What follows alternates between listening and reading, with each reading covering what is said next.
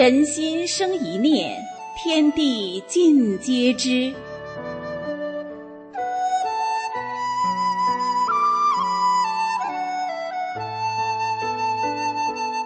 听众朋友您好，欢迎收听明慧广播电台《善恶一念间》节目。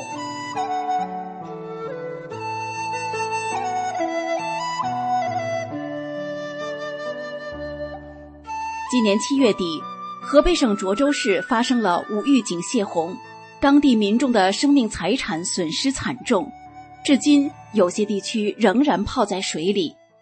有个做小本生意的老板，一家人幸运的躲过了这场灾难。这位老板在北京开店做生意，下面是他的一位北京顾客讲的故事。前几天，我和朋友去一商家买东西。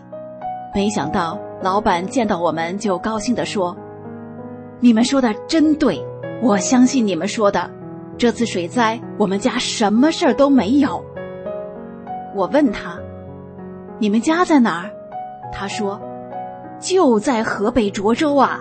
你昨天给我打电话说你们要来店里买东西，我立即就从老家赶回来了，要告诉你们这个好消息。”接下来，我们挑选商品时发现涨价了，有些犹豫是否还要买。老板主动的说：“今天就按以前的价格卖给你们。”他继续说：“以后我就听你们的。”我们告诉他：“你要感谢大法师傅，是我们的师傅救了你们全家，一定要记住九字真言。”他连连的说：“是是。”他一家人躲过洪灾，事出有因。事情是这样的：之前我们曾来过这个商家的小店买东西，给老板讲过法轮大法真相，他同意做三退，退出中共的邪党组织，抹去了受印。疫情期间，老板非常焦虑，跟我聊天的时候说：“现在怎么这么乱呢？有什么招可以躲过去啊？”我说：“你已经退出了邪党组织，三退保平安。你要记住九字真言：法轮大法好，真善人好。”他爽快的答应了。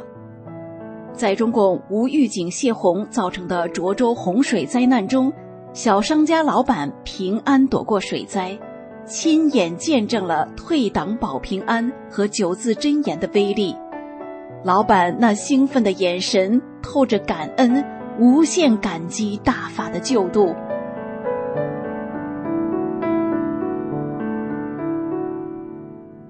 感激大法师傅的河北人，还有今年七十七岁的李老汉，就连村里的人也因为亲眼看到发生在李老汉身上的奇迹，从而明白了法轮大法真相。原来，李老汉在六十八岁那年突然感到头沉、走路不稳，到医院检查说是脑瘤，得住院做手术。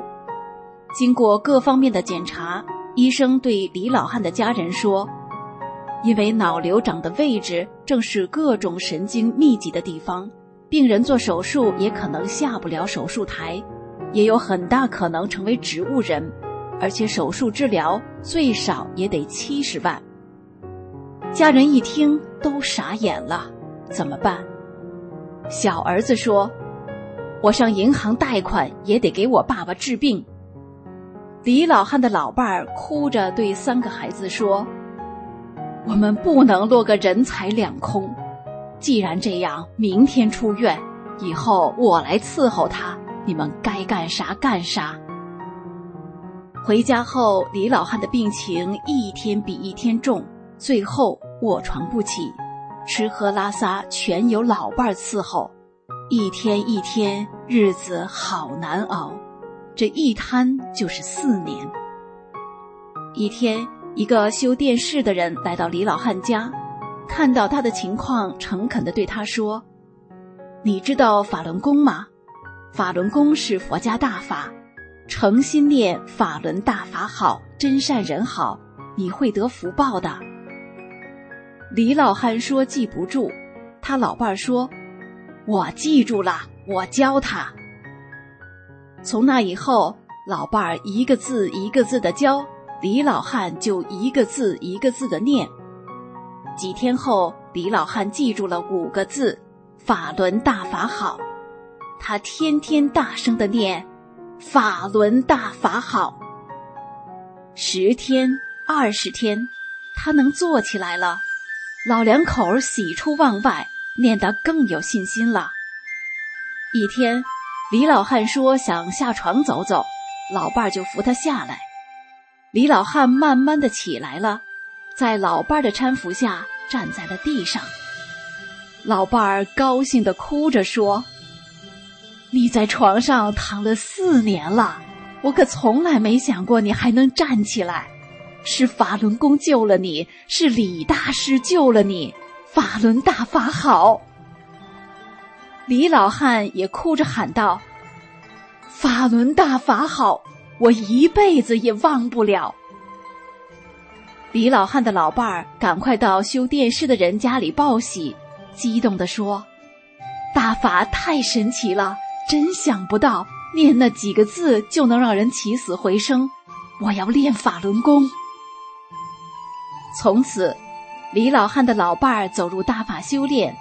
李老汉说：“我感恩大法，是大法让我又活过来了。我永远记住大法好，永远感恩大法的救命之恩。”现在，李老汉每天推着一个带小轮子的椅子，到村外的一个桥洞子那儿去。开始，村里的人们感到好奇，有人就跟在后面看他去干啥。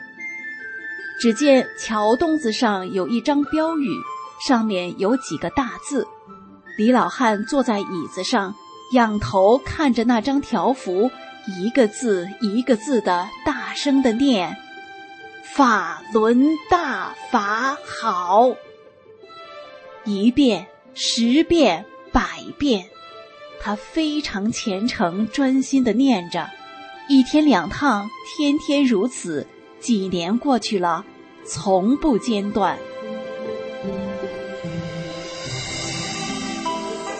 听众朋友，今天的善恶一念间就到这里，感谢您的收听。